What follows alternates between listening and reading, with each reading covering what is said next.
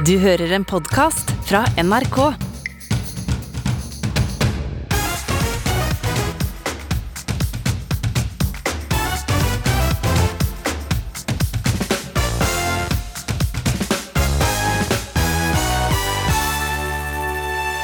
Can, can somebody maybe claim the glass? Karin Hinsbo skålte stolt i går. Nasjonalmuseet åpner i dag, men flere mener det ser ut som en bunkers, en norsk versjon av Klagemuren. Hatoppgjør mellom Norge og Sverige på fotballbanen i morgen. Vi fyrer opp rivalene her i ukeslutt. Prinsesse Märtha Louise og Durek Verret skal gifte seg. Sjaman Kyrre håper på trommereise i bryllupet, og da kan det høres sånn ut. Og har du fått feriepengene? Det kryr av råd om hvordan du kan spare. Jenny Jensen skal hjelpe deg med å sløse. Velkommen skal du være til ukeslutt. Jeg heter Knut Øyvind Hagen. I dag åpner 55 000 kvadratmeter med museum. Jeg snakker om Nasjonalmuseet. Museet har vært en snakkis i både inn- og utland lenge før åpning. Og reporter Sigrid Solheim Haugen, hvordan ser det ut der du er nå? Du, nå står jeg i et helt nytt byrom midt i Oslo sentrum, like ved rådhuset. Og jeg ser på to klassiske stasjonsbygg fra 1800-tallet, som nå rammes inn av det mye mer moderne og splitter nye Nasjonalmuseet. Museet det er jo et stort, monumentalt steinbygg. Firkanta har fått en del kritikk på utseendet sitt. Det er dekt i grå skifer har knapt vinduer, og på toppen så er det en stor lyshall som skal skinne ut i Oslo-natta. Det massive bygget her det fyller faktisk et helt kvartal. Og eh, I bakgrunnen nå så hører dere direktør Karin Hinsbø ønske folk velkommen under litt overskya himmel. Det er jo masse folk her i dag, strømmer til. Og det er også både kongepar, kronprinspar, statsminister og rådsmedlem fra Sametinget som skal tale på denne historiske begivenheten. Og noen andre som har tatt turen hit i dag, det er Daniel Grimflek og Gabriel Hesjadalen. Dere drar jo ned snittalderen en god del. Dere er 18 og 19 år. Hvorfor har dere tatt turen hit i dag? Nei, også, Jeg har i hvert fall tatt turen hit for det er litt over gjennomsnittet interessert i kunst og norsk kulturhistorie, for så vidt. Og jeg tenker Det er jo en veldig stor begivenhet. Da. Og Det er viktig å, å, stille opp her når det er en såpass historisk hendelse som åpningen av et nytt nasjonalmuseum. Og så har jeg dratt med meg Gabriel, da. Ja. så han er, du er jo litt, er i hvert fall blitt kanskje litt glad i kunst etter vi ble sammen, kanskje? Ja, jeg har absolutt det. Jeg var eh, mye mindre interessert i kunst før jeg var sammen med deg, men eh, dette her er absolutt en stor begivenhet. Og jeg gleder meg veldig til å komme inn og fått sett på mye kunst, og for så vidt også arkitekturen. Ja. Og eh, hva gleder dere aller mest til å se? Nei, også jeg tenker jo, Vi kommer jo fra Østerdalen begge to, så vi gleder oss til å se 'Vinternatt i Rondane', tenker jeg. Det er jo en av de store, store, store verkene. da, som er, Og litt Munch også. da, Nå har jeg jo sett en del Munch etter at de åpna nytt Munch-museum også. Men de har jo noen, noen verk utstilt her også. Det høres veldig fint ut. og Kos dere med nasjonalromantikken. Jo, tusen takk. Nå skal det handle om det deilige elsk-hat-forholdet mellom Norge og søta bror. For rivaliseringen mellom Norge og Sverige er nå nesten like sterk som under svenskekrigen, iallfall på fotballbanen. På søndag er det batalje mellom broderlandene. Vi skal straks snakke med norsken og svensken om det store slaget, men først, her er noen fotballstrofer. Alt, for Norge.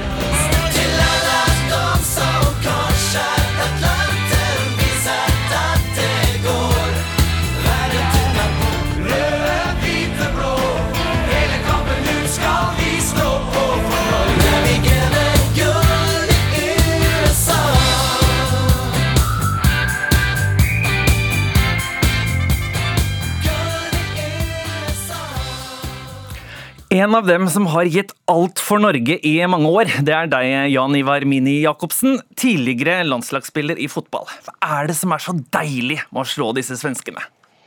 Nei, Det vil jo alltid være. altså det som du sier, Nå skal det sies det at jeg var inne og sjekka litt. Jeg har jo spilt fire ganger mot Sverige.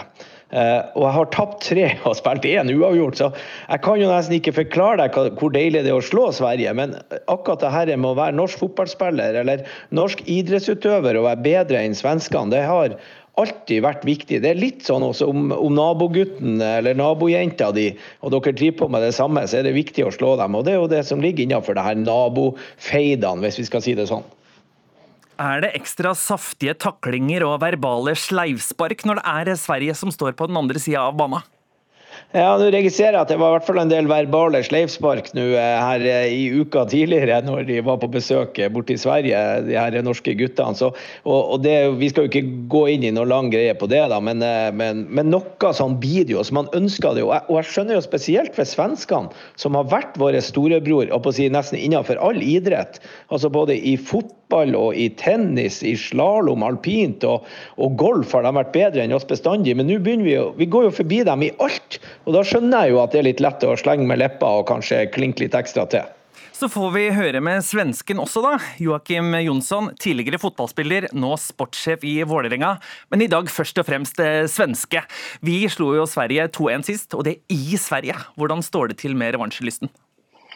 Ja, men det är ju klart, det är ju väldigt speciellt det här för eh, oss svenskar också. För, för eh, oss har ju Norge varit på linje och på nivå med Moldova och Malta och Latvia. Det är ju där vi, vi pleier å spille mot Tyskland, Fra Tyskland, Frankrike, Italia og Nederland og konkurrere med de eh, nasjonene i mesterskap, mens Norge får spille noen bakgårds eh, treningslandskamper når andre store nasjoner spiller mesterskap. Så, så, det er en veldig ny situasjon for oss, men vi må jo prøve å takle, takle den også. Erling Braut Haaland sier den svenske midtstopperen kalte ham hore på banen, noe den andre riktignok nekter for. Altså, Hva sier det om temperaturen mellom Norge og Sverige akkurat nå? Ja, altså akkurat det ordvalget og, og, sånt, det tror jeg kan foregå på med andre kamper. Det kan vi komme fra sjette divisjon til uh, Champions League og VM-finalen så er det mye trash talk. så uh, det, det, er nok litt grann sånn det er. Men at det er en liten hetsk stemning nå, og at uh, rivaliseringen er sterkere enn den har vært på mange mange år, det er det jo ikke noe tvil om. For Norge har jo tatt kvantumsteg og, og er jo definitivt en, en nasjon som er på et helt annet nivå enn man har vært de siste årene. Så at, nei da, det, det, det er en ny verden. Mini, det virker jo å være dårlig stemning i den svenske leiren etter tapet sist. Har søta bror blitt til surabror? Ja, definitivt. Eh, de, de, oppførte seg sånn sist, og så får vi nå se om hva de klarer å mobilisere til eh, i morgen ettermiddag når de kommer på besøk hit. Men det er det her som er litt deilig. ikke sant? Du hører Joakim, han kan snakke om ting som skjedde før i tida. Mens vi, vi nordmenn, vi kan snakke om ting som er nå. For det er nå vi er best. Og holdt på å si å sitte og se på gamle pokaler, det kan jeg jo for så vidt gjøre her hjemme òg, men det er mye artigere å se på dem du vinner i dag. Så jeg skjønner jo at han drar frem de her eh, landene, han stakkars Joakim. da, så men det er vi det er vi som er oppe mot de og er kirsebær. med. altså, de hadde en gang Zlatan. Eh, vi har nå Erling Braut Haaland. Hvem i all verden trodde at noen skulle gå, at en nordmann skulle gå forbi Zlatan i, eh, både i kvalitet og popularitet? Så nei, det er herlig tid. Dere svensker beskylder oss for å filme oss til straffespark. Er det dårlige tapertendenser, Jonsson? Eh, ja, altså det, det, var jo, det, var jo, det var ikke noe straffespark, det var jo nærmest pinlig, men eh, det blir jo litt grann, Ja, det, akkurat det skal jeg vel ta litt dårlig eh, taper. Men sen Mini prater her om at, vi, at svenskene soler seg i det som har, har skjedd tidligere. Du som rosenborger, Mini, dere du har vel doktorgrad nærmest i å sole seg i hva som har skjedd tidligere, og ikke nåtid, når vi ser gamle pokaler og så RBK? Jo da, det, det er jo for så vidt riktig. Jeg bruker jo å si det hvis noen lurer på om vi var gode, så bruker jeg å si at de må ta med litt sølvpuss, for det er vi fri for her oppe i Trondheim. Men, men akkurat nå så snakker vi jo om landslaget. Vi skal i hvert fall ikke snakke om Rosenborg. Vi, vi, kan jo snakke om Rosenborg damer som skal spille i morgen mot Brann. Altså, det er jo en kjempeopptakt før landskampen. Rosenborg-Brann på Lerkendal i morgen skal sette publikumsrekord i Norge for damer. Og så får vi landskampen etterpå, da vi slår Sverige. Det er jo en kjempesøndag i morgen. Norsk-svensk forening sier det er flere norsk-svenske ekteskap som blir satt på prøve. Hvordan merker du denne rivaliseringen som svenske i Norge? Nei, men det er klart, altså, de er jo, Norge er jo litt høye og mørke nå, og det er med all rett. Altså, det, og det, det hører jo til. Leverer man, da skal man få lov å mene og, og, og synes også. og Det har Norge gjort i det siste. Det, og Det er jo derfor det her er det er litt så ærlig skal være. Det er litt ekstra bittert for Sverige. det her. Man har vært storebror i fotball, det er ikke noen diskusjon. Man har abonnert på å være i mesterskap. og og nærmest ikke ense at Norge har funnet som fotballnasjon, men akkurat nå er Norge god og per nå litt bedre enn Sverige også. Så, så, det er surt, det er bittert for de svenske. Og uh, det er en ny tid som man helst ikke ønsker skal være der da. Vi må vel ikke ta seieren på forskuddet, Mini? Nei, vi skal definitivt ikke ta seieren på forskudd. Og, og både jeg og Joakim vet jo det at fotball er jo det spillet der det oftest kan skje at det dårligste laget vinner pga. at det skåres så lite mål. Så Sånn sett så har jo Sverige en mulighet i morgen. Eh, men eh, vi må opp, vi òg. Vi, vi, kom litt ned på jorda mot Slovenia, spesielt i første omgangen. Selv om andre omgangen var bedre, så vet vi at eh, det, er ingenting som man liksom bare kan dra med seg. Selv om vi slo Sverige sist, så kommer det her til å bli en tett batalje. Så det her gleder jeg meg voldsomt til å se. Hva blir resultatet, Jonsson? Du skal få tippe. Ja, altså, jeg får jo håpe at de, de norske spillerne er litt for høye og mørke, og at det blir 2-1 til uh, Sverige. Altså 1-2. Og Emil Forsberg naturligvis avgjør. Måtte det bli blod, svette og tårer søndag kveld. Takk for at dere tok tempen dagen før dagen, Mini Jacobsen og Joakim Jonsson. Det er eh, snart duket for pride, med feiring av seksuelt mangfold og regnbueflagg over hele landet. Og Oslo kommune har eh, invitert alle skolebarna og alle lærerne deres til å gå i pride-paraden. Vi er opptatt av at alle som jobber hos oss og alle som er elever hos oss, skal kjenne at de er inkludert, at de er en del av et fellesskap, og kan, at Oslo-skolen er for alle. Det sa direktør i Utdanningsetaten i Oslo kommune, Marte Gerhardsen. Men det har også kommet sterke reaksjoner fra bl.a. lærer Anders Noreng. Det er problematisk fordi skolen skal ikke pushe religion, politikk og andre ideologier på barna. Vi skal prøve å være nøytrale. Marius Hagen, du er også kjent som dragartisten Pamela the Pam, dommer i TV-programmet Drag Me Out. Du mener det er viktig og riktig at skolen inviterer barna med i Pride-paraden. Hvorfor det?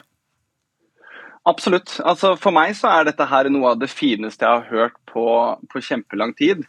Eh, jeg tenker dette her er veldig viktig. Altså, Pride-paraden handler e-, ene og alene eh, om inkludering og kjærlighet. Eh, jeg tenker at dette her er kjempeviktig, for at det er med å starte en veldig veldig viktig samtale. Eh, hvor barna kan få se eh, rett og slett mangfold. Da. Jeg tenker jo at Jeg husker veldig godt hvordan det var for meg. da. Jeg skjønte at jeg var skeiv da jeg var 14 år gammel. Kom ut først når jeg var 20. Det var veldig mange år rett og slett i egen homoterapi. Det var ingen som snakket om hvordan det var å være skeiv, det var ingen i media. Hadde jeg fått lov til å være med min skole og se på dette her, og se at dette er noe som aksepteres, så tror jeg nok at veldig mange år av mitt liv hadde vært veldig mye bedre.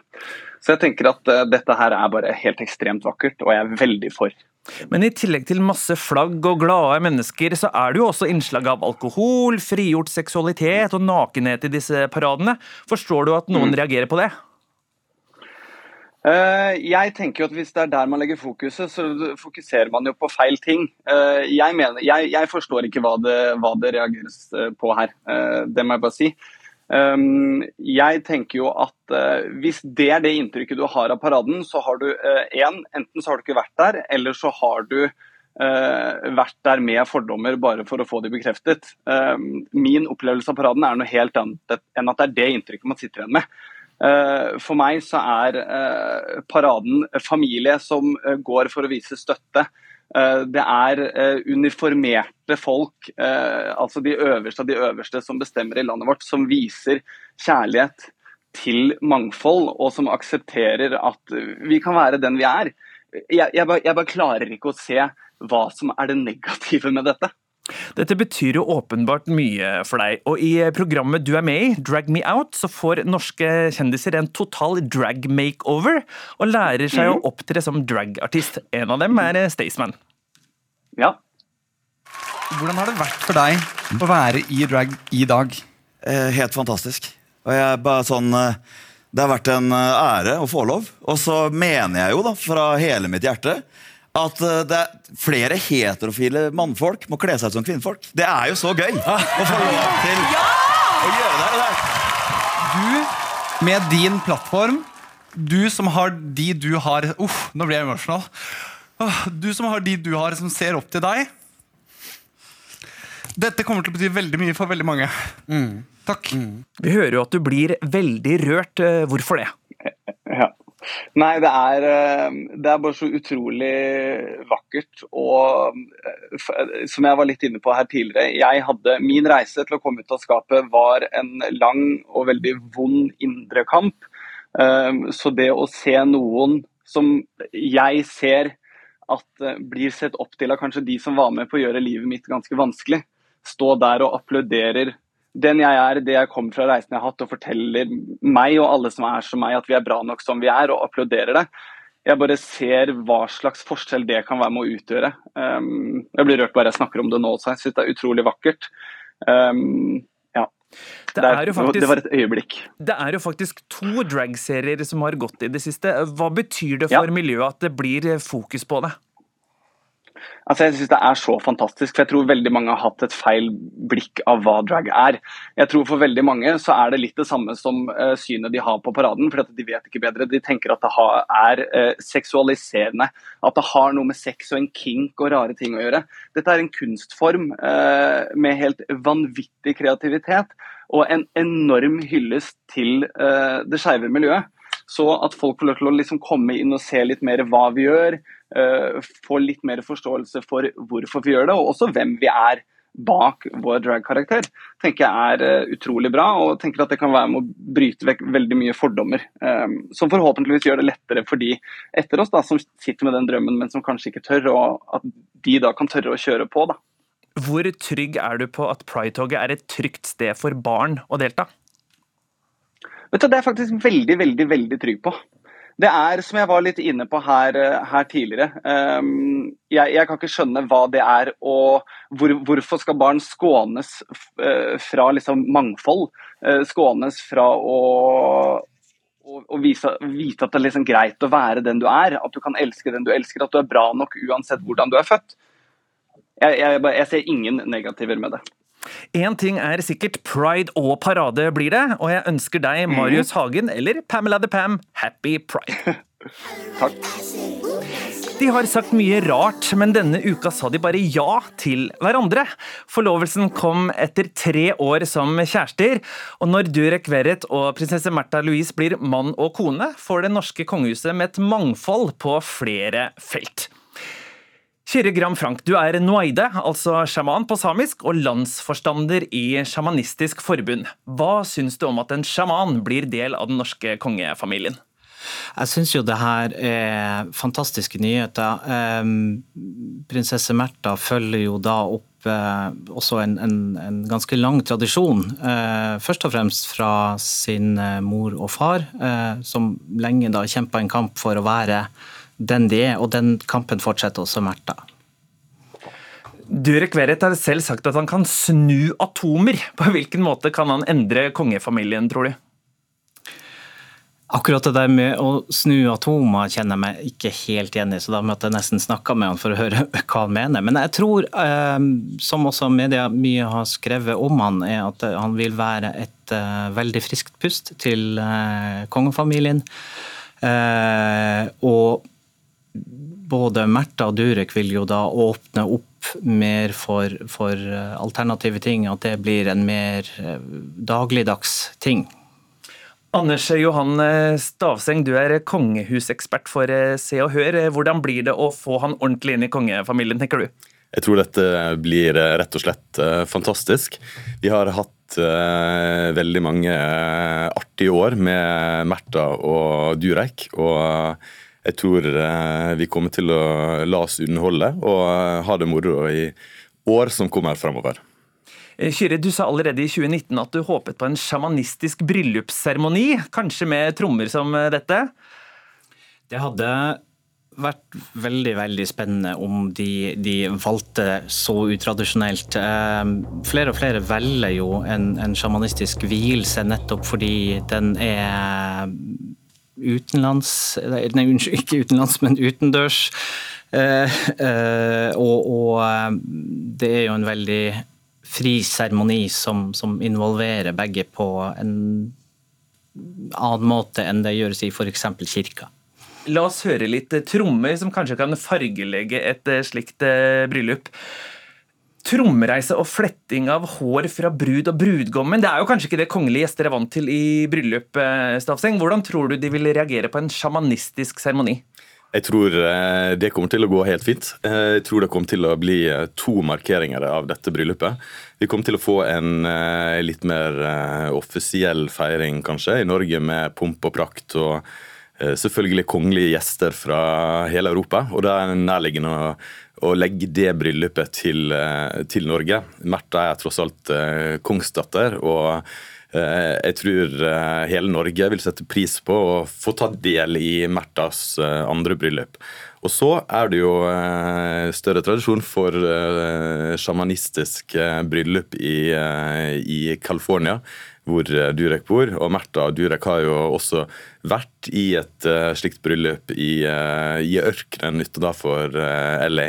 Og Der gikk folk barbeint, og de hadde lange, lange holdt på å si kjoler eller kapper. Og det er veldig fargerikt og veldig, veldig annerledes enn det vi eh, nordmenn tenker på som bryllup. da. Men jeg, jeg tror de kommer til å ha to fester og masse superstjerner og kongelige i begge bryllupene.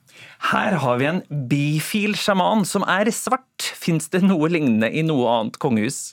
Nei, det gjør ikke det. Eh, Durek er den første åpne bifile som har gifta seg inn i europeisk eh, kongefamilie, og det er eh, historisk. Han er den første svarte som har gifta seg inn i den norske kongefamilien. Det er også historisk.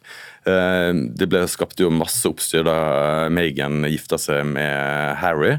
Eh, Den eh, har jo, det har jo lagt seg eh, litt, men jeg synes det, er, eh, synes det er en fin ting. Og, og jeg tror de fleste nordmenn også syns at dette er både moderne og framtidsretta. Hvordan kan dette påvirke miljøet du tilhører? Eh, Sjamanistisk forbund har jo eksistert allerede i, i ti år, faktisk i år. Så jeg tenker det at um, det her kan være med å bringe, um, som jeg nevnte innledningsvis, altså bringe sjamanisme fram litt mer i hverdagen. Vi har jo en, en lang kultur her i landet både på, på den samiske og norrøne sida, for ikke å nevne det kvenske og skogfinske også, eh, som har lange tradisjoner her i landet. Sånn at eh, jeg tror det kan være med å bringe det her fram i lyset, og at det igjen kan bli en del av den eh, hverdagskulturen. Stavseng, hva skal de egentlig leve av, da? Nei, si det. Eh, Durek tar seg jo klekkelig godt betalt for eh, sine privattimer. Han tar eh, 20 000 norske kroner for én times session med healing, håndspåleggelse og for å drive ut onde ånder. Eh, Man kan riktignok få det litt billigere, til 15 000 timen, hvis man tar det over Teams. Eh, Men eh, Durek tjener haugevis av penger på, på forskjellige ting og kurs som han holder. Og han og Märtha har jo også dratt ut på turné med 'Prinsessen og sjamanen', som vekte masse oppsikt. Det ligger veldig kort da at de som ektepar kommer til å gjøre det samme i USA. Og Der er jo betalingsviljen mye, mye større. Og når man får en norsk prinsesse med på kjøpet, så eh, kommer nok de til å leve godt i eh, alle år framover. Kyrre, melder du deg som vigsler hvis de skulle velge sjamanistisk seremoni? Hvis de skulle ønske en eh, sjamanistisk vigsel, så bistår jeg gjerne med det. Vi er flere forstandere også i Sjamanistisk forbund som kan bistå med det. Og hvor skal de gifte seg? Jeg ser for meg eh, Nord-Norge. Eh, hvis du ser for deg at eh, de er ved vannet et eller annet sted, og de kommer glidende inn på et vikingskip mens de hilses velkommen av at det blåses i, i bukkehorn. Og under prosesjonen da, så joikes det inn av f.eks. Mari Boine. Eh, hadde vært fantastisk hvis eh, prinsessa kunne stilt i gekti, altså i kofte, eh, som hun har rett til å bære. Um, og de fremmøtte da eh, med gjerne midnattssola eh, med, eh, renses med eimelauga, som er en sånn røkelsesblanding fra naturen. Hva tenker du, hvor skal de gifte seg? Eh, Et bryllup i Nord-Norge høres fantastisk ut, eh, men jeg tror både det kan godt bli Nord-Norge. Märtha gjorde jo sin 30-årsdag i Bergen. Bryllupet med Ari Nidarosdomen og Mette-Marit Håkon gifta seg i Oslo, så det er kanskje på sin plass at eh, Nord-Norge får kongelige kongelig bryllup. Men eh, det som er helt sikkert og visst, er at dette bryllupet kommer vi alle til å få ta del i. Vi så nå i, under Eh, forlovelsen så var det jo selvfølgelig eh, fotografer på plass og dokumenterte alt. Og det er altså gått ut fantastiske bilder av eh, denne forlovelsen til hele verden. Og det er garantert ikke den siste gangen vi snakker om dette paret og bryllupet. Takk til dere Kyrre Gram Frank og Anders Johan Stavseng. O betyr oksygen, og oksygen er opphavet til alt liv. I tillegg til eh, den betydningen, så er det også uendelig med visuelle deler i havet. F.eks. en fiskestim eller en, eh, et koøye. Ja, det er mange ord på O, som administrerende direktør i Akvariet Aslak Sverdrup fastslår her. Men er O riktig ord for akvariet i Bergen? Navnebyttet for trekkplasteret i byen har ikke gått upåaktet hen. For vil alle de som skal beundre bambushai, California-sjøløve og andre marine skapninger helt på ekte, finne fram når stedet heter O? Akvariet er jo omtrent like innarbeida som nystemten i Bergen. Så hva sier bergenserne når akvariet skifter navn til O?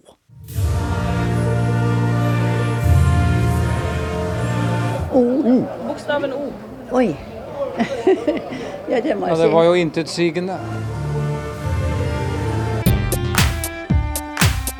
Nei, er det mulig? Nå har jeg bodd der borte i snart 50 år. Og jeg sier alltid akvariet. Det var ikke noe bra, syns jeg. Ærlig talt, jeg aner ikke hva PR-bransjen driver med. eh, kanskje litt uvant. Jeg vant til akvariet, men eh, man blir sikkert vant til det.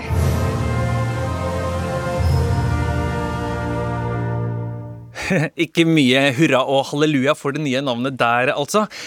Ingebrigt Sten Jensen, du er bl.a. reklamemann og en av dem som satt i juryen som kom fram til navnet O. Hva syns du om navnet dere landa på?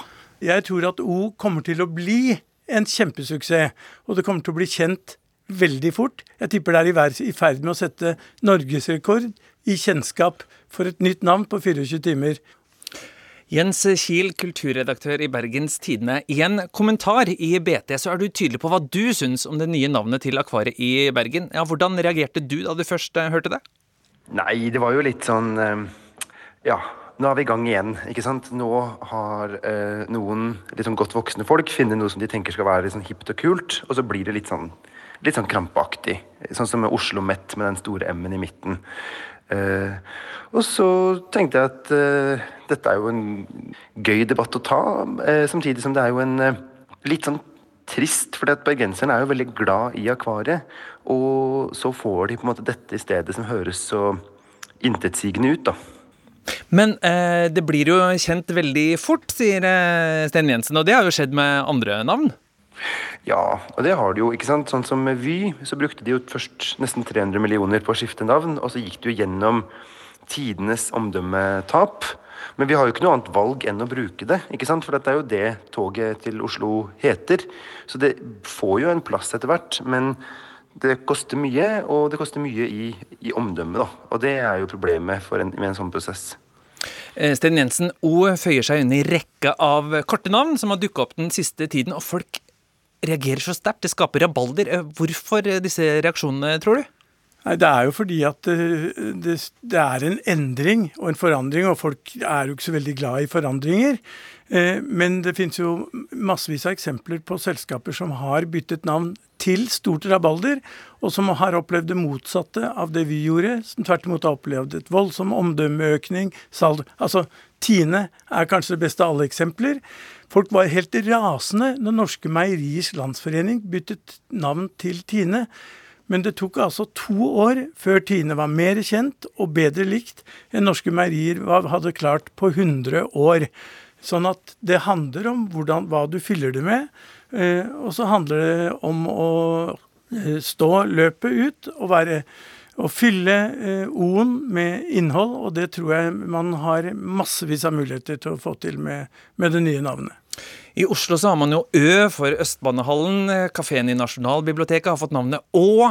Så er ikke dermed akvariet trendy og i tida, som eh, sikrer seg O før noen andre gjør det, Jens Kiel? Altså, Østbanehallen het jo en periode Ø, og så så de at det, det fungerer jo ikke. ikke sant? De, um, det er umulig å søke det opp f.eks. På, på Instagram, eller på, det er for kort til å bruke som en, en nettadresse. Så nå heter de jo Østbanehallen Ø. Uh, og det tror jeg er egentlig det som kommer til å skje her òg. At navnet er for intetsigende. O er jo bare et tomt høl med ingenting i. Og så etter hvert så kommer de til å finne et navn som er mulig å bruke bl.a. i digitale flater. Ja, Jeg skal ikke ta stilling til akkurat det med det digitale. Jeg er ikke noen digitalekspert. Men at det navnet har et, en, et kjempepotensial for å bli likt, kjent, brukt og fylt med innhold, det er jeg helt overbevist om. Men hvorfor det? Fordi at, det er, fordi at det har skjedd som har skjedd nå. Altså at det skaper et sånt ekstremt fokus og så mye debatt og diskusjon. Så det, opplever jeg at det er positivt i seg sjøl. Og så ser jeg for meg at, at O-en kan bli et, en, en, slags overskrift på noe som vil ha en liten undertekst, f.eks. Men skal man bare bytte navn for å bytte navn? Ja, men altså, Det kan jo ikke hete akvariet når det ikke er lenger er bare et akvarium. Men akvariet kommer sikkert til å være en del av verdenshavsenteret, eh, sånn at man fortsatt kan gå dit hvis man gjerne vil. Og så er det jo sånn at navn vokser på oss. Var, hvis, vi, hvis, noen i dag hadde foreslått at vi skal lage et nytt fotballag i Bergen, og det skal hete Brann For Brann er et kjempebra navn på noe som brenner ned, og det er en forkullet haug av aske. Men, men, men Brann er elsket fordi for det er fylt med det innholdet det, er, det, det, har. Og det tror jeg er akkurat det som kommer til å skje med, med O også. Blir du ikke bare vant til navnet etter hvert, eh, Jens Kiel? Både ja og nei. Altså, vi blir jo vant til navn selv om vi ikke liker dem. Og, og vi kommer jo til å fortsette å gå på akvariet også når det flytter og får uh, nytt navn. Men det er jo ikke dermed sagt at det er et godt navn. Um, og du stilte da spørsmål om på en måte uh, hvorfor folk blir så sure når disse tinga bytter navn. Og jeg tror at en av grunnene er at ikke sant, sånn som NSB, det er jo noe vi eier sammen, uh, hele folket, og som har en 150 år lang historie, mer enn det. Med rallarer og med viktig utbygging av landet vårt. Og så kommer liksom noen og bare tar det fra oss og kaller det for noe som ikke betyr noen ting. Eh, og det, var jo, det er jo den opplevelsen folk har hatt i mange av disse rundene. At nå eh, Akvariet, som er bergenserne er så stolte over, og så kommer liksom bare eh, en gjeng med folk som ikke har noen navnesettingskompetanse i det hele tatt, som sitter i den juryen og bestemmer seg for at det skal bare hete noe som ikke er noen ting. Apropos gamle navn, dere er jo nå med i Norsk Rikskringkasting. Bør også vi bytte navn, ta en N? dere, fått, dere, heter jo NRK, ikke Norsk Rikskringkasting. Alle, alle mennesker elsker NRK. Men, eh, men, vi har jo et annet eh, nærliggende eksempel for noe som er et nasjonalt felleseie, nemlig Statoil, som jo byttet navn til Equinor for noen år siden med akkurat de samme rasende menneskene som, skulle, som forklarte hvor helt totalt meningsløst dette var. Jeg skal ta et stort veddemål på at hvis de hadde hett Statoil i dag, så hadde børsverdien vært halvparten maks av hva den er når den heter Equinor. Fordi stat er det nest verste folk veit, og oil er det verste folk veit. Altså, Statoil bytta jo navn for å bli grønnvaska som oljeselskap. De driver fremdeles stort sett med olje, men de ønska på en måte få en grønnere eh, profil. Uh, og så godtar vi jo på en måte det i offentligheten, og det er jo veldig synd at vi lar oss lure av sånne type triks. Men, uh, men vi bør jo ikke for den, av den grunn på en måte akseptere et sånt type grønnvaskingstiltak, da. Så jeg tror at det er ganske viktig å være litt sånn obs på hva det er som, hvilke krefter som er i sving når man uh, gjør sånne ting. Ikke sant? Det er lettere å sette et f.eks. selge unna et selskap som ikke lenger heter Statoil, og privatisere det, enn det er hvis de har det gamle navnet. Som på en måte signaliserer tydelig at det er noe vi eier sammen. Det er lettere å konkurranseutsette Vy enn Norges statsbaner. ikke sant? Sånn at Da er man jo på en måte på den galeien med en gang. Det virker iallfall som O-navnet er kommet for å bli. Takk for at dere tok navnedebatten her i Ukeslutt, Ingebrigt Sten Jensen og Jens Kiel. Vold i nære relasjoner har vært tema i mange år. Likevel er det fortsatt mangel på kunnskap hos politiet og hjelpeapparatet. Denne uka kom Riksrevisjonen med krass kritikk. Annet må voldsofre vente lenge før saken blir behandlet av politiet. Oppklaringsprosenten på denne typen saker er gått ned, og politiet svikter på å beskytte de utsatte mot ny vold. Kine Pedersen Aamodt, du ble selv utsatt for vold fra en tidligere partner. Nå hjelper du andre i samme situasjon person. Og du mener det er personavhengig hvorvidt politiet hjelper offer for vold eller ikke. Hva mm. mener du med det? Det jeg mener med det, er at jeg så jeg forstår at disse sakene er veldig vanskelig å oppklare i forhold til bevis, eh, men man ser at når det kommer til, for min egen del, når jeg kom til en politidame som virkelig var interessert i å løse dette, og møtte meg og forsto hva jeg sa, så ble det resultater. Men andre saker som jeg har vært vært med på, eh, så har sakene blitt liggende altfor lenge. Personen har nesten ikke blitt tatt inn til avhør engang, den man har anmeldt. Og da tenker jeg at det er personavhengig hvordan saken ender. Og sånn kan det ikke være.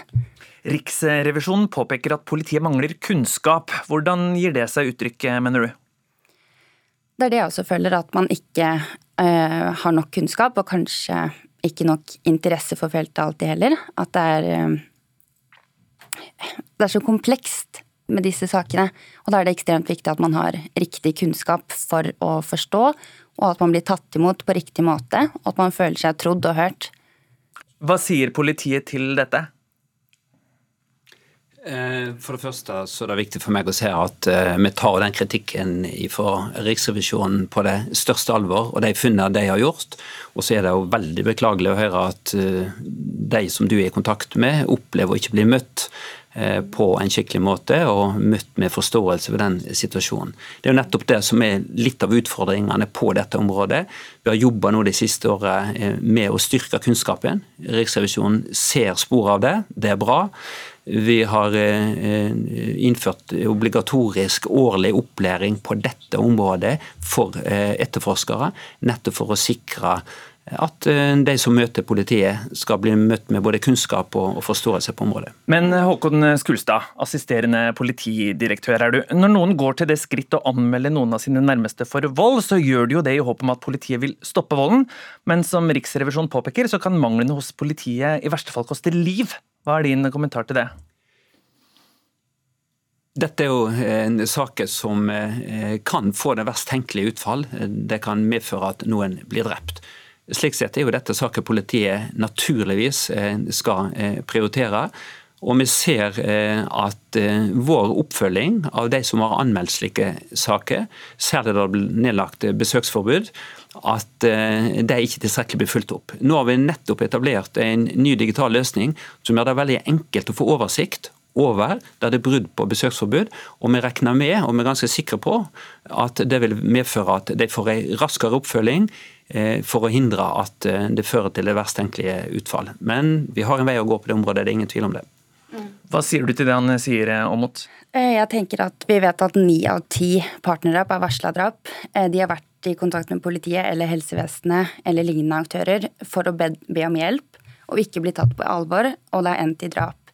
Nå har vi fått gjennom omvendt voldsalarm, og jeg håper det blir brukt eh, hver gang. Men jeg tenker at vi har ikke noe tid å miste vi må starte med dette med en gang. Gjennom politireformen eh, så har vi innført noe som et, lager et felles inntak av alle straffesaker.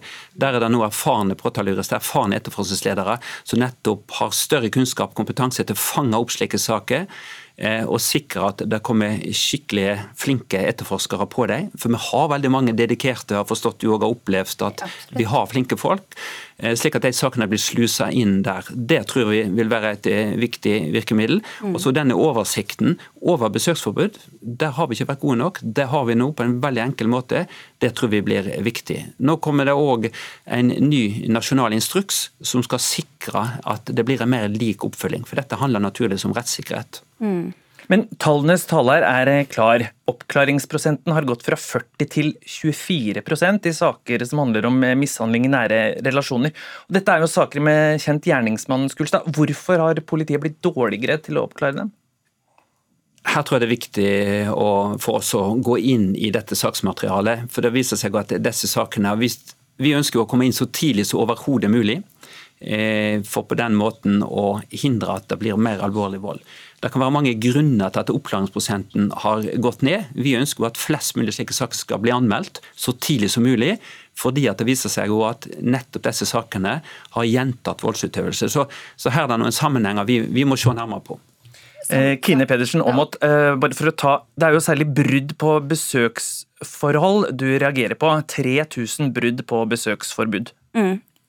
Bare i fjor så var det 3000. Um, jeg syns det er helt utrolig at det ikke får en konsekvens hver eneste gang. Man sender jo et signal ut til gjerningspersonen at man bare kan fortsette. Det er fritt vilt. Um, ja, det er veldig uheldig. Jeg har nettopp fått en sånn oversikt. Jeg har personlig jobba med disse sakene nå inn mot eh, ledelsen ute i politidistriktet. Og nå har vi som sagt fått dette digitale verktøyet som viser eh, dessverre et bilde som du, du helt riktig sier. Eh, det kommer det til å bli endring på. Disse sakene skal ha prioritet eh, gjennom systemet hos oss. Hver enkelt eh, brudd skal følges opp. Det kommer vi til å være tett på fremover. Tror du på dette, Aamodt? Jeg, jeg, håper det, eh, men jeg tenker når, når blir det endring? Hvor fort har man dette på plass? Eh, har nett, jeg har nettopp fått presentert dette verktøyet. Da gjør det det så tydelig og enkelt tilgjengelig på antallet brudd. og Det viser seg jo at disse bruddene trenger ikke skje i samme politidistrikt. Det kan være en person som reiser rundt, og sikkert bruddet kan skje faktisk over hele landet. Men nå får vi opp den oversikten uansett hvor hen eh, de bruddene skjer. Det kan være sikkert en, en, en gjerningsperson, en voldsperson, følger med eh, det offeret sitt, mm. og at det bruddet kan skje i et annet distrikt. Vi har ikke i tilstrekkelig grad fanga opp det. Det gjør vi nå. Så eh, jeg er veldig sikker på at i løpet av det neste året nå, så skal det bli en markant endring på dette området. Om at du mener det er farlig å bryte ut av et forhold og gå til politiet, hvordan da? Eh, jeg mener at det er farlig hvis man ikke blir trodd og hørt hos politiet. Eh, hvis du kommer til en politibetjent som spør er mer opptatt av hvorfor gikk du ikke før, hvorfor har du ikke sagt noe tidligere, nei, hvorfor gikk du tilbake til han? Fordi sånne holdninger har jeg hørt hos politiet, og det er ekstremt farlig. Det er veldig beklagelig at du blir møtt med det. Det er kunnskapsløshet uh, hos våre. Uh, derfor jobber vi nå inn og har det som en del av vår obligatorisk årlig opplæring for etterforskerne, nettopp for å forstå den dynamikken. Mm. For Det er jo det som er typisk er for disse sakene. Det er veldig komplekst. Uh, det blir òg en egen etter- og videreutdanning på Politihøgskolen nå for høsten, spesielt på dette området. Så vi er jo avhengig av at det som klarer passere den terskelen og møte opp og forklare mm. dere at det blir møtt eh, på alvor. Mm. Det er et langsiktig arbeid, men det har vi stor fokus på, eh, så vi håper det skal bli bedre eh, fremover. Da fikk vi en lovnad til slutt. Takk til dere, Kine Pedersen Aamodt og assisterende politidirektør Håkon Skulstad. Har det tikket inn en god slump penger på kontoen din de siste dagene? Juni er måneden hvor de kjærkomne feriepengene drysser over oss. Men hva skal Ola og Kari Nordmann egentlig bruke pengene på? Reporter Susanne Njølstad Skansen dro ut for å finne ut akkurat det. Ah, feriepenger, endelig! Men hva skal jeg bruke dem på? Åh, kanskje et par paraplydrinker i Syden? Nei, nei, nei. Jeg vil ha snekke og norgessommer på Sørlandet. Reka. Eller nei! Jeg vil på tivoli i København. Nei, jeg sparer egentlig for det meste. Så jeg legger av feriepengene til sparing til bolig. Jeg tror de går mer til oppussing enn til ferie i år. Jeg driver og sparer til leilighet nå, så de går nok til sparekontoen, stort sett. Det er planlegging og budsjett, så følger jeg det. Ok, Så folk skal ikke på ferie med de pengene, altså. Og det var ikke bare dem jeg snakka med som eh, var litt mer fornuftige enn meg. En undersøkelse fra banken Storebrand viser nemlig at bare 23% skal bruke feriepengene på ferie.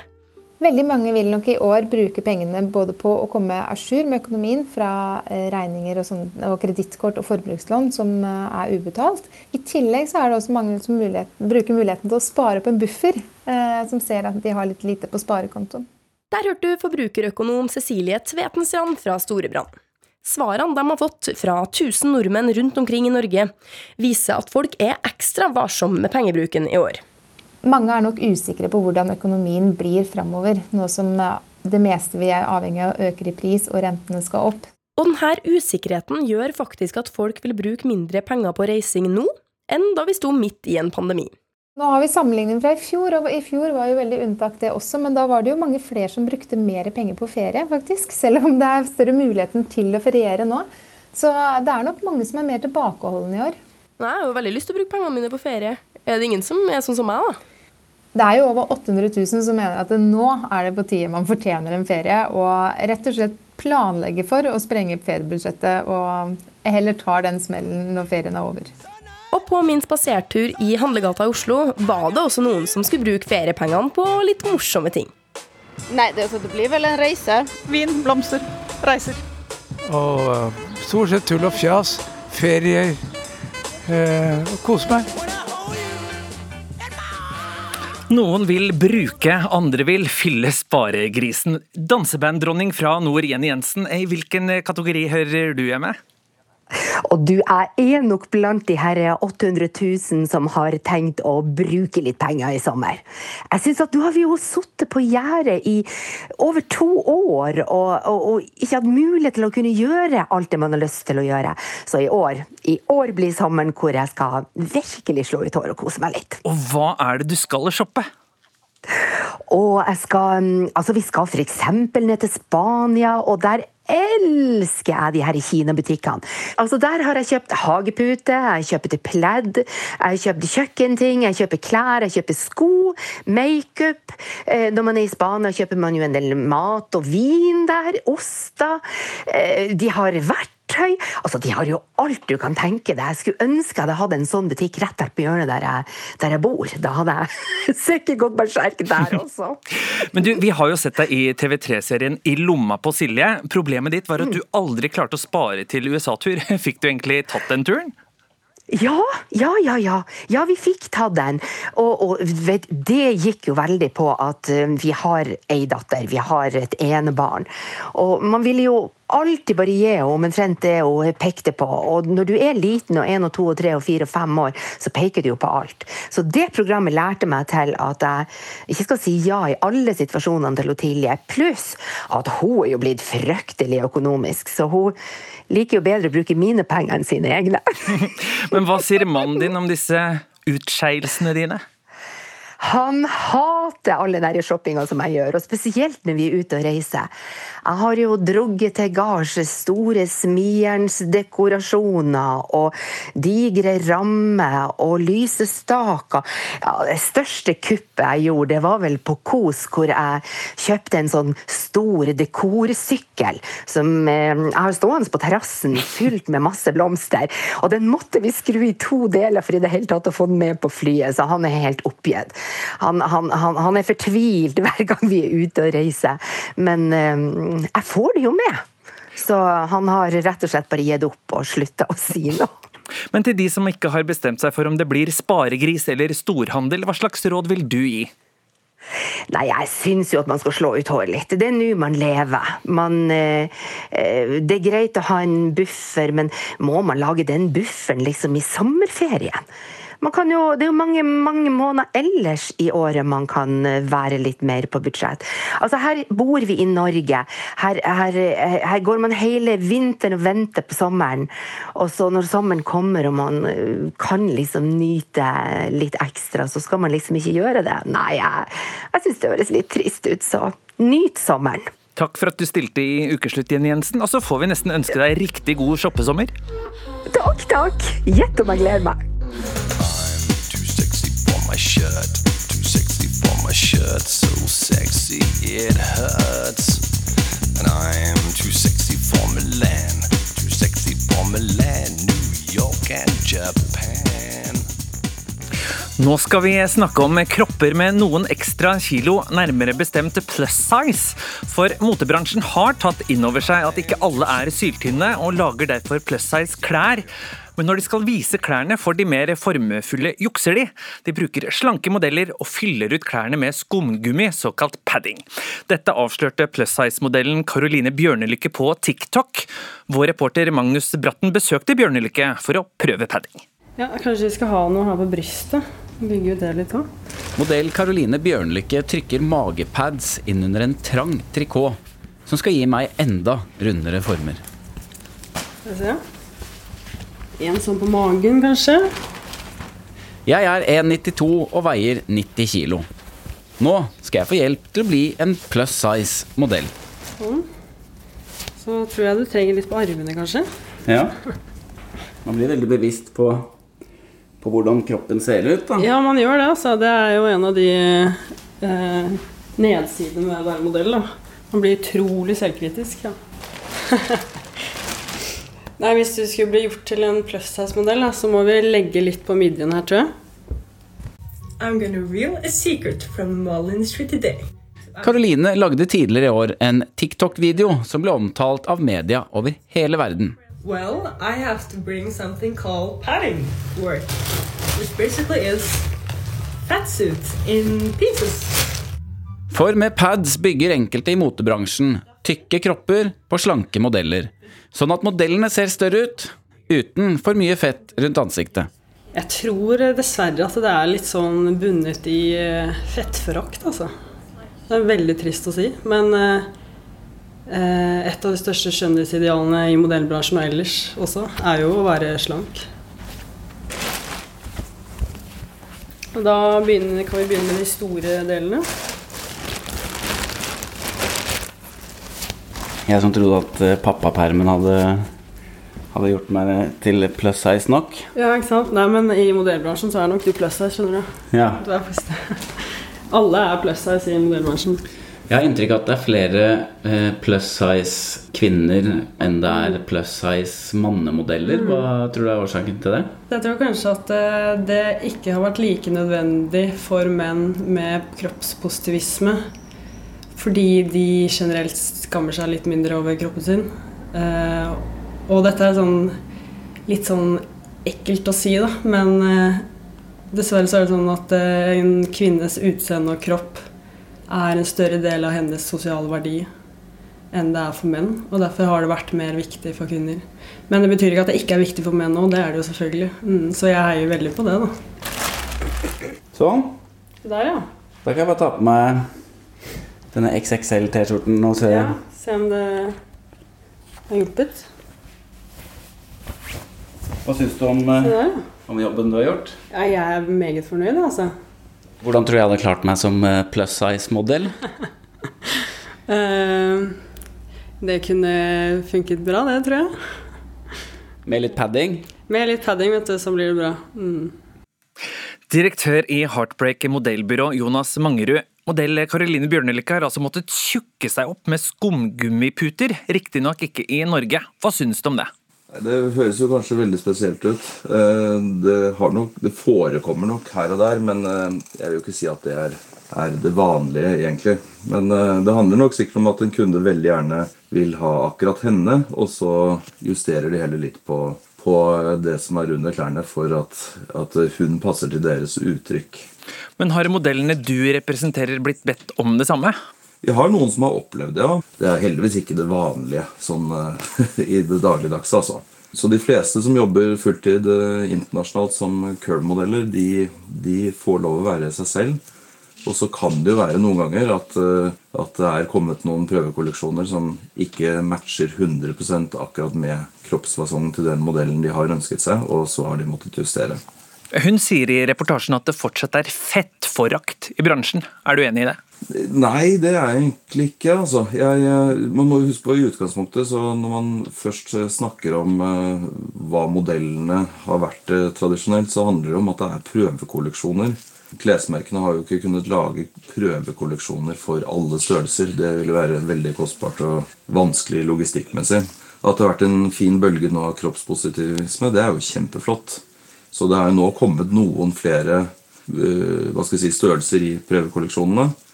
Eh, Men eh, du har fremdeles at det er litt båsatt. Altså. Du kan godt si at det er jo lettere å enten være curve-modell eller veldig smal enn å være midt imellom, faktisk.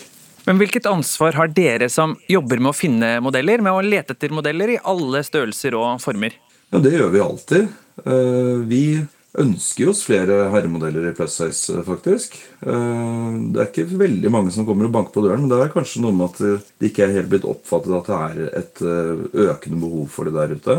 Eh, det er jo fremdeles ikke på samme nivå som, som yngre kvinner, men det er faktisk flere kunder nå som etterspør plus size menn. Det er, det er vanskelig å finne, så vi er veldig åpne for søknad på det, vi. altså. Og Hvorfor mener du det er viktig?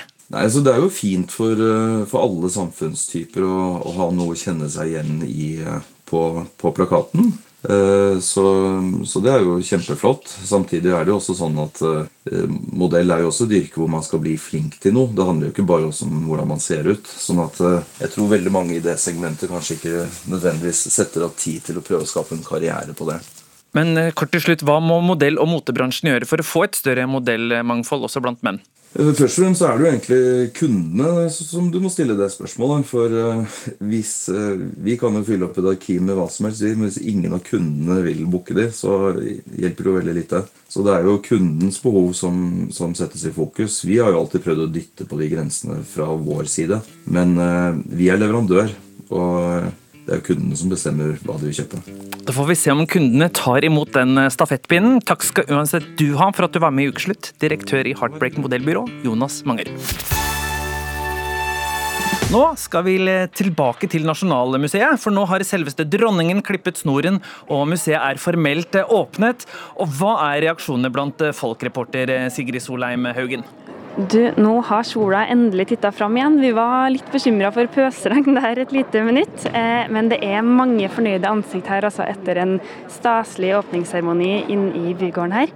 Eh, og det var flott musikk og masse fine taler, og det er mange som nå ser veldig spent ut idet de står i kø for å være blant de første som kommer inn i det her veldig store bygget, som har fått litt forskjellige reaksjoner. Og det er også folk som har tatt seg turen for å betrakte det her nye nasjonalmuseet vårt. Og Mai Watson, det har jo vært mange meninger om hvordan det bygget her ser ut, men eh, hva syns du? Um, jeg syns jo det ser ut som en stor steinklump. Ja. Men ja. Um, Hvorfor det? Altså det er jo grått, og det er stein. Og så er det liksom stein på bakken, stein på veggen, stein, stein, stein. Det er jo da Oppdalsskifer som dekker store deler av vårt museum.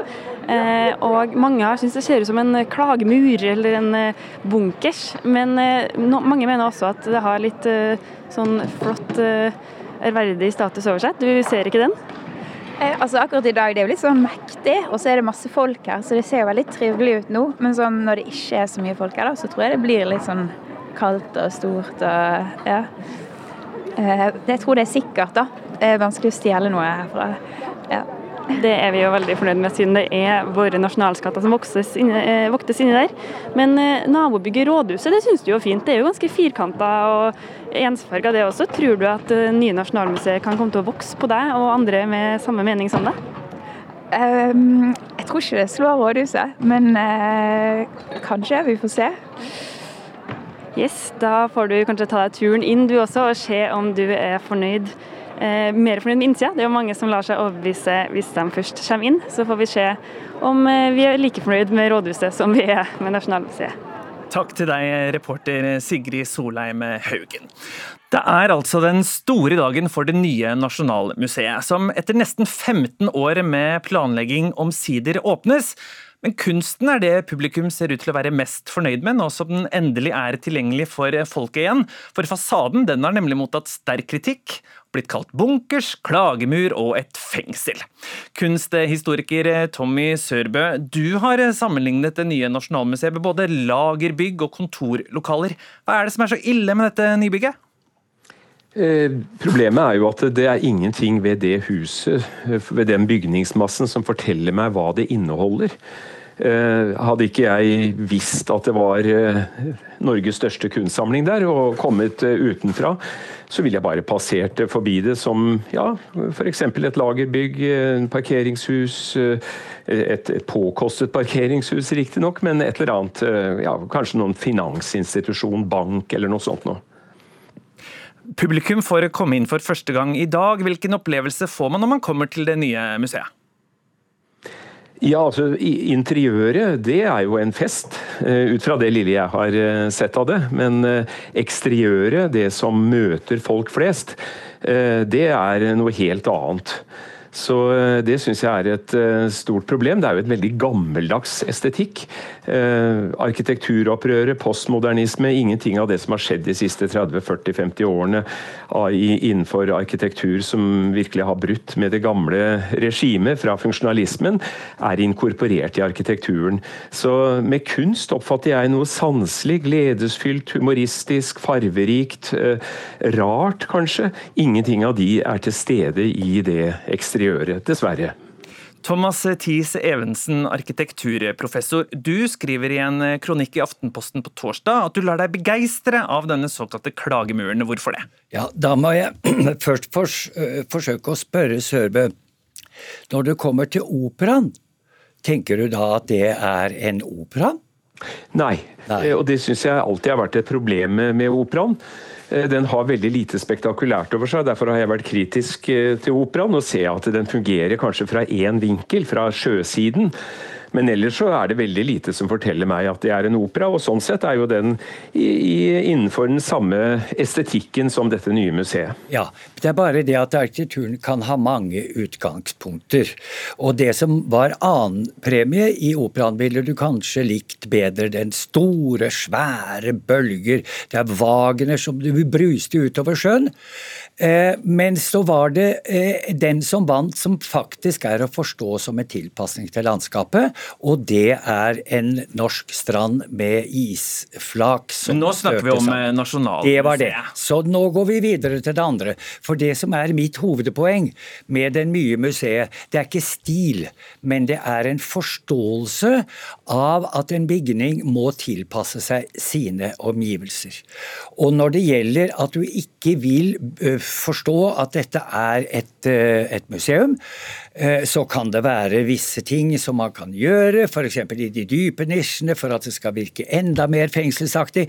Hvis du setter farve i bunnen på den, så vil man straks forstå at det er noe som kommer ut som er farverikt og sammensatt, som kunsten innenfor. Så det er små detaljer. Men, ja, men ja. Nå, nå, forholder du deg til noe som ikke er. Jeg forholder meg til det som er. Det er ikke farve der inne. Og, og det, du snakker om eh, forholdet til omgivelsene. Jeg kan ikke tenke meg noe større kontrast til Vestbanebygningens festlige, morsomme, litt uh, gøyale med masse historiske referanser, og denne massive klumpen som bare uttrykker det jeg vil kalle borgerskapets diskré sjarm. Nei, ikke kom med sånne assosiasjoner. Oppriktig talt, hva er hovedfasaden på det nye museet? Det er to gamle bygninger. Jeg har selv foreslått at den med tårn, som er Vestbanen, burde faktisk være hovedinngangen på sikt til museet. Og så dukker det frem disse kraftige bygningene på hver hjørne, så det er en rekke med eh, hus, som er det som møter det. Og så svever det over denne hvite hallen. Det, det, er en fantastisk måte å vise også funksjonenes forskjell på forsiden og baksiden. Fordi at den lave, beskjedne steinfløyen har samme høyde som, eh, som eh, Vestbanen. Og der er det bare eldre kunst. Ser du ikke dette, Tommy Sørbø? Han vil ikke. Jeg ser det kanskje når Thomas Dietz Evensen med sitt blomstrete språk, som jeg selv har stor sans for, forteller meg det. Men jeg ser det ikke ut ifra arkitekturen. Og det er det som er problemet med denne typen arkitektur. Det er arkitektur som er eh, skapt ut ifra ideer og programmer som er bygd på at man ser det fra et fly eller fra et helikopter eller ned på modeller som abstrakte former, og så kler man det i et språk som da juryen har latt seg forføre av, men så kommer vi som skal se det i virkeligheten. Og arkitekturen sier noe helt annet enn det språket som er spunnet rundt det av arkitektbransjen. Ja, det var jo en lang herang om eh, den nåværende eh, situasjonen, og jeg kan jo være enig med deg om det på mange vis. Det er bare det.